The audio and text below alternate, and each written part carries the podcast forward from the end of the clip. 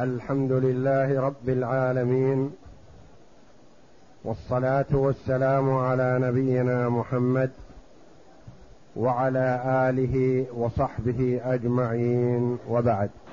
عرفنا في تصحيح المسائل إذا انكسرت السهام على الفريق فلا يخلو إما أن يكون الانكسار على فريق أو على فريقين أو على ثلاث فرق أو على أربع فرق وهذا نهاية الانكسار.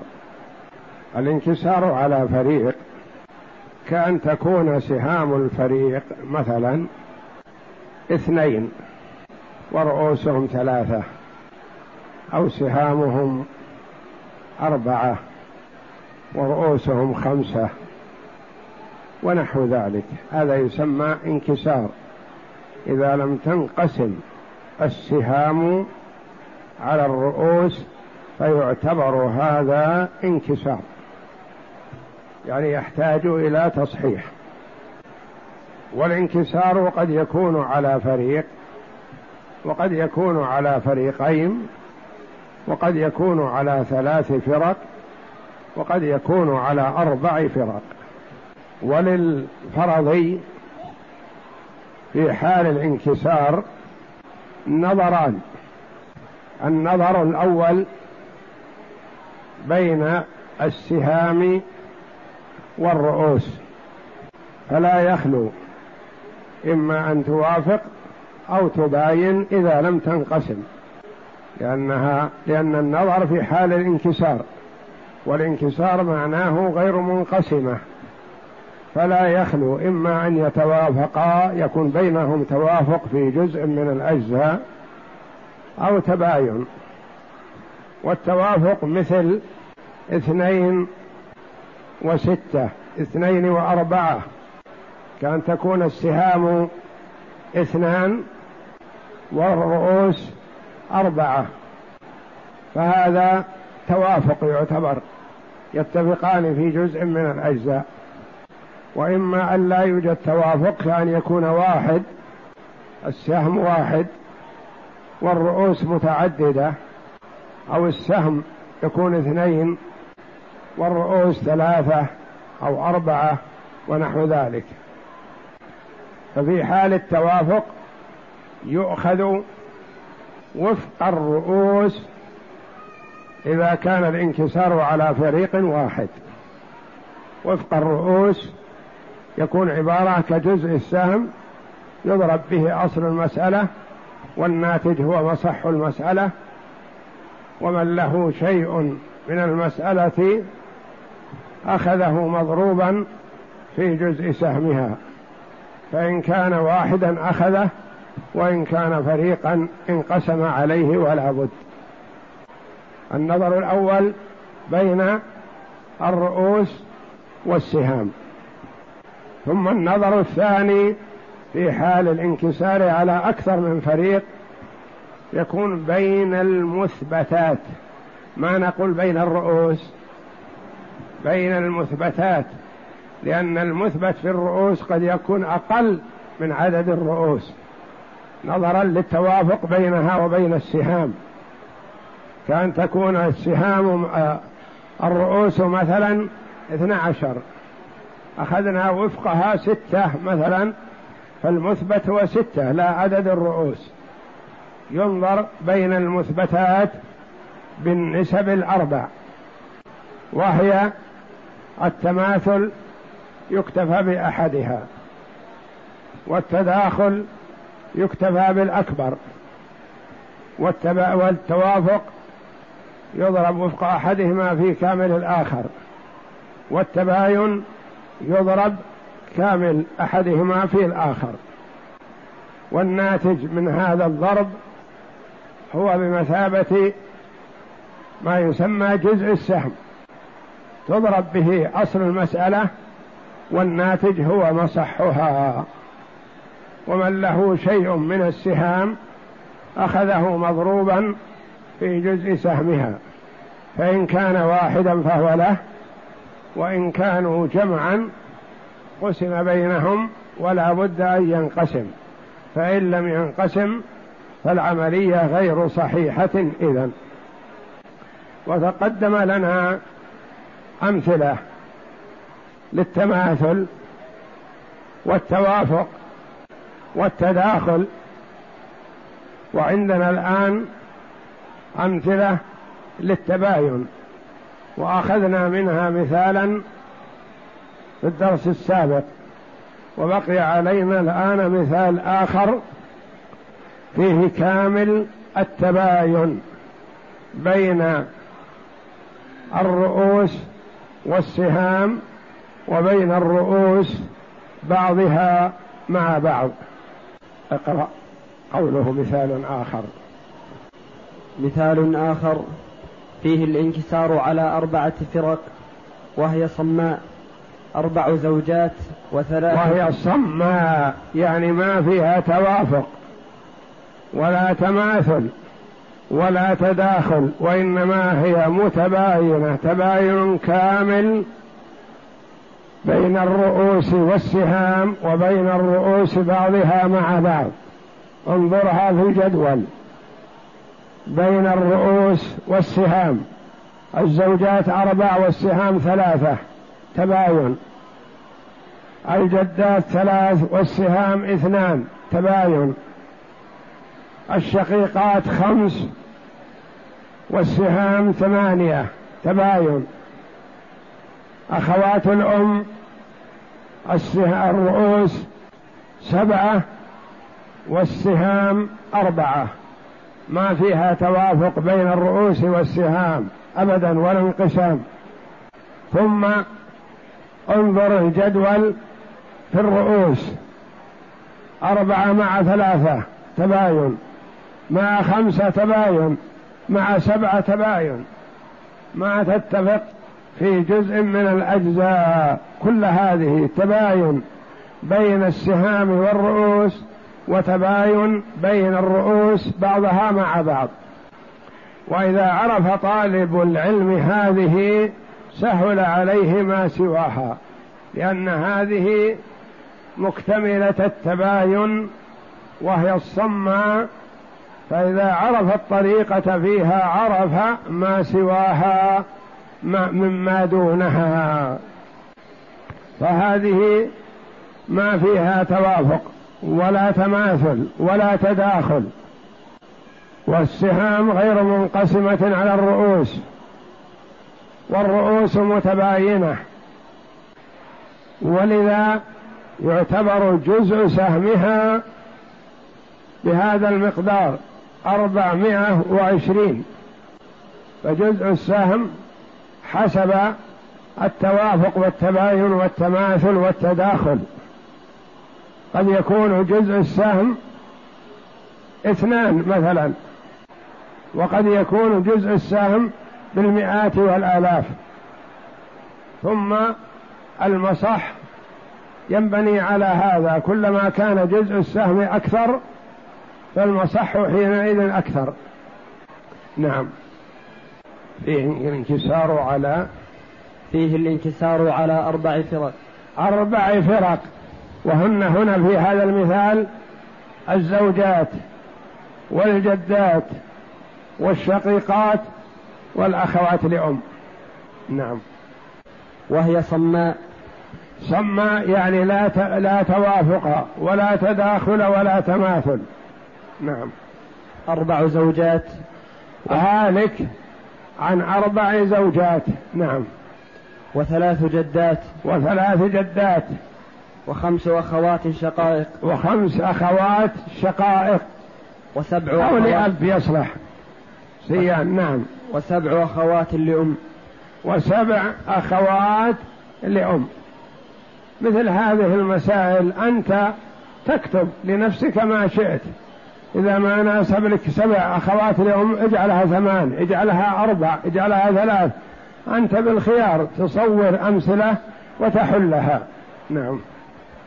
أصل المسألة من اثنى عشر. أصل المسألة من اثني عشر لأن فيها ثلثان للأخوات الشقائق وفيها سدس للجدات وفيها ربع للزوجات. فتجتمع هذه الفروض في مخرج واحد وهو الاثنى عشر. لأن الربع للزوجات يخرج من اثني عشر.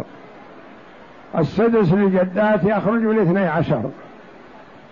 الثلثان للأخوات الشقائق يخرج من اثني عشر. الثلث للأخوات لأم يخرج من اثني عشر. نعم. وتعول إلى سبعة عشر. وتعول إلى ثلاثة عشر. سبعة. لأنها إلى تعول إلى سبعة عشر لأن فيها الفروض أكثر من المسألة. فحينئذ عندك ربع وسدس وثلثان وثلث.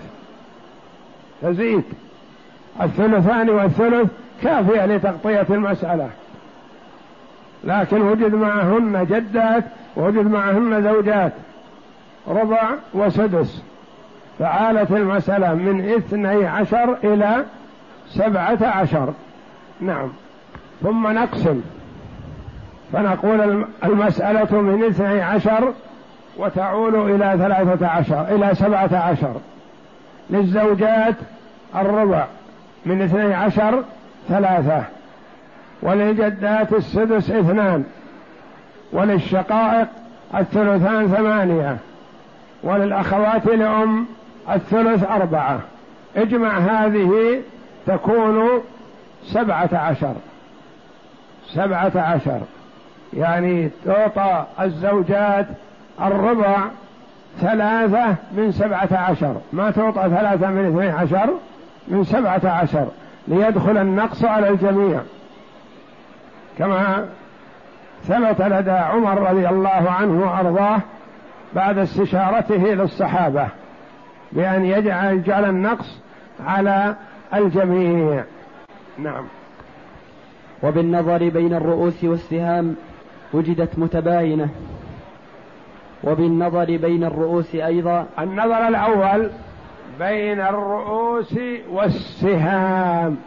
أين الرؤوس؟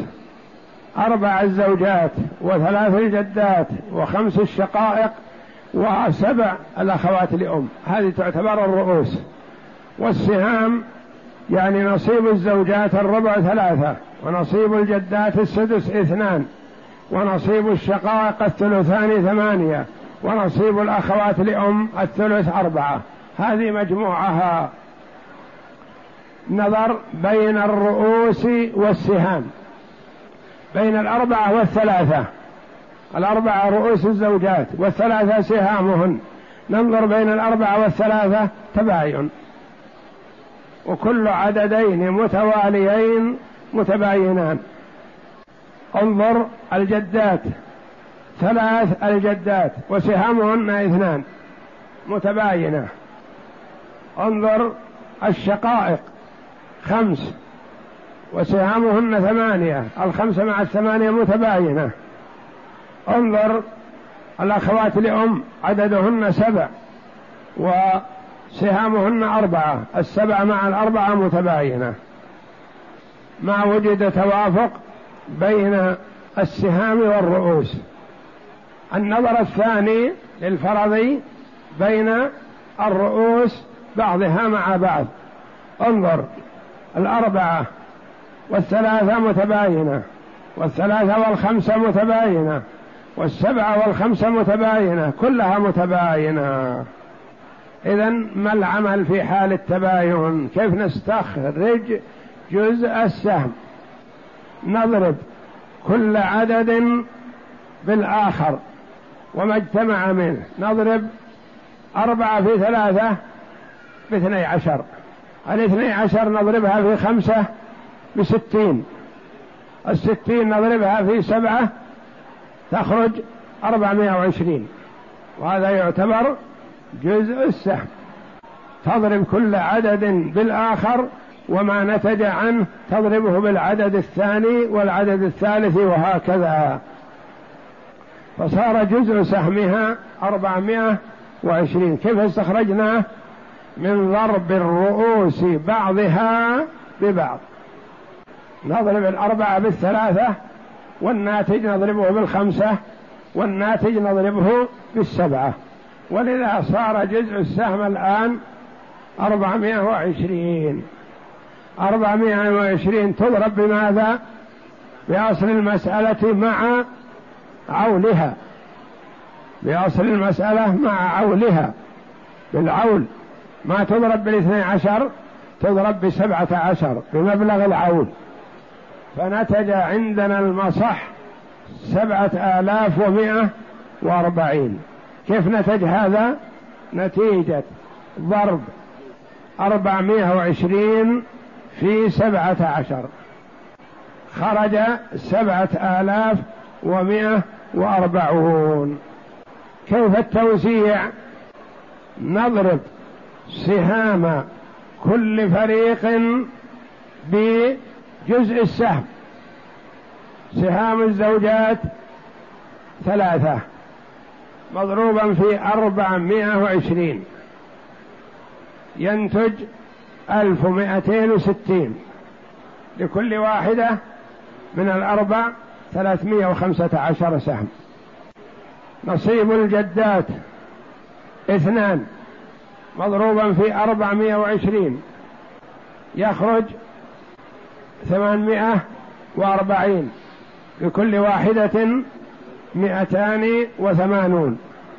نصيب الشقائق ثمانية في أربعمائة وعشرين. تقسم على عدد الشقائق خمس يكون لكل واحدة ستمائة واثنان وسبعون. نصيب الأخوات لأم أربعة. مضروب في أربعمائة وعشرين.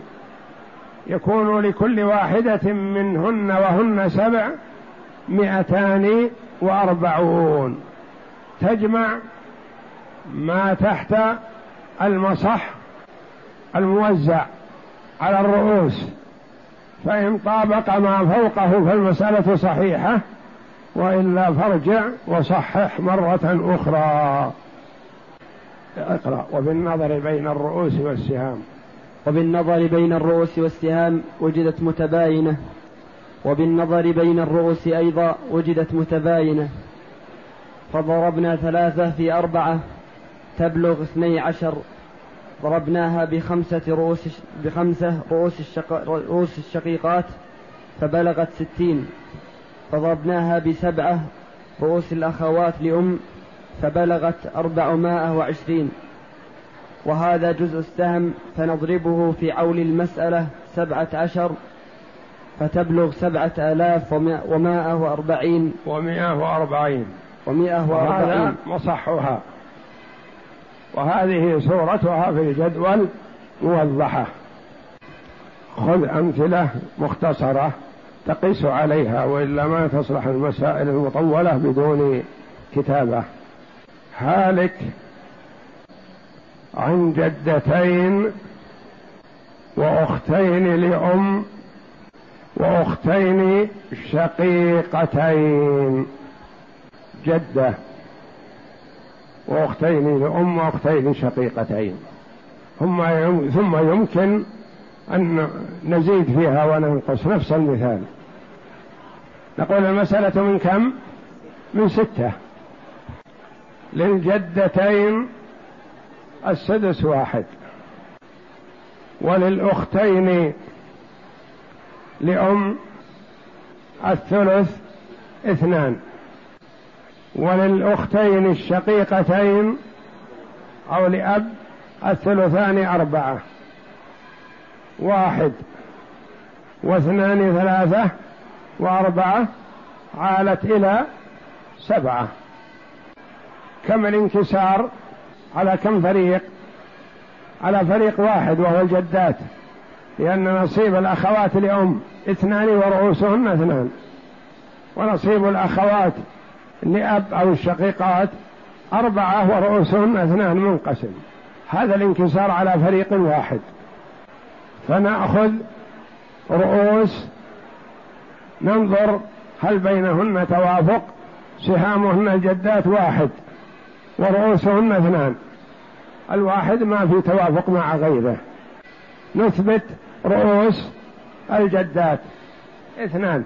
نضربها في أصل المسألة ستة. سبعة لأنها عالت. الأصل ستة والعول سبعة. نضربها في سبعة تطلع كم؟ أربعة عشر. وهذا يعتبر مصح المسألة. كيف نعطيهم؟ نقول للجدات. واحد واحد. في اثنين الرؤوس اللي هو جزء السهم. في واحد في اثنين باثنين لكل واحدة واحد. وللأخوات الشقائق أربعة. مضروبا في اثنين جزء السهم بثمانية. ورؤوسهن اثنان لكل واحدة منهن أربعة. ورؤوس الأخوات لأم. اثنين وسهامهن اثنان. مضروبا في اثنين جزء السهم. صح لهن ثمان اثنين في اثنين بأربعة لكل واحدة اثنان. هذه فيها انقسام وفيها تباين. انقسام وتباين فقط. الانقسام بالنسبة للأخوات الشقائق والأخوات لأم والتباين بالنسبة للزوجات للجدات. هذه المسألة التي معنا. افرض الأخوات الشقيقات ثلاث. يصير فيه تباين عدم انقسام وتباين بين نصيب الأخوات الشقائق ورؤوسهن ثلاثة. ونكمل المسألة على هذا فنقول عندنا نصيب الجدات سهام رؤوس الجدات اثنان ورؤوس الأخوات الشقائق ثلاثة بينهما تباين. نضرب أحدهما في الآخر فيخرج ستة وهو جزء السهم. ثم نقسم على غرار ما قسمنا. فإن كن الأخوات لأم مثلا أربع أربع وسهامهن اثنان قلنا فيه توافق. نثبت وفق رؤوس الأخوات لأم النصف وهو اثنان. فلا تتغير المسألة عما, سبق. وإذا كان الأخوات لأم ثلاث وسهامهن اثنان في تباين. ثم نظرنا بين الرؤوس بعضها مع بعض. الجدات رؤوسهن ثلاثة والأخوات لأم رؤوسهن ثلاثة اكتفينا بواحدة منها. ونظرنا بين الرؤوس بين رؤوس الجدات ورؤوس الأخوات الشقائق. فوجدنا بينهما إذا قلنا هي خمس تباين. ثلاثة في خمسة بخمسة عشر وهذا يعتبر جزء السهم يضرب به أصل المسألة وهكذا. فممكن أن تصور المسألة سهلة ثم تغير في الأرقام حتى تتدرج إلى ما هو أعلى. تتدرج. بدل ما تقول الشقائق أربع منقسم عليهن الأربعة اجعلها خمس. اجعلها ست. يكون في توافق. اجعلها خمس يكون في تباين. اجعلها سبع يكون فيه تباين. اجعلها ثمانية يكون فيه توافق. وهكذا. والله أعلم. وصلى الله وسلم وبارك على عبد ورسول نبينا محمد وعلى آله وصحبه أجمعين. والدرس القادم في الكافي إن شاء الله في الفقه.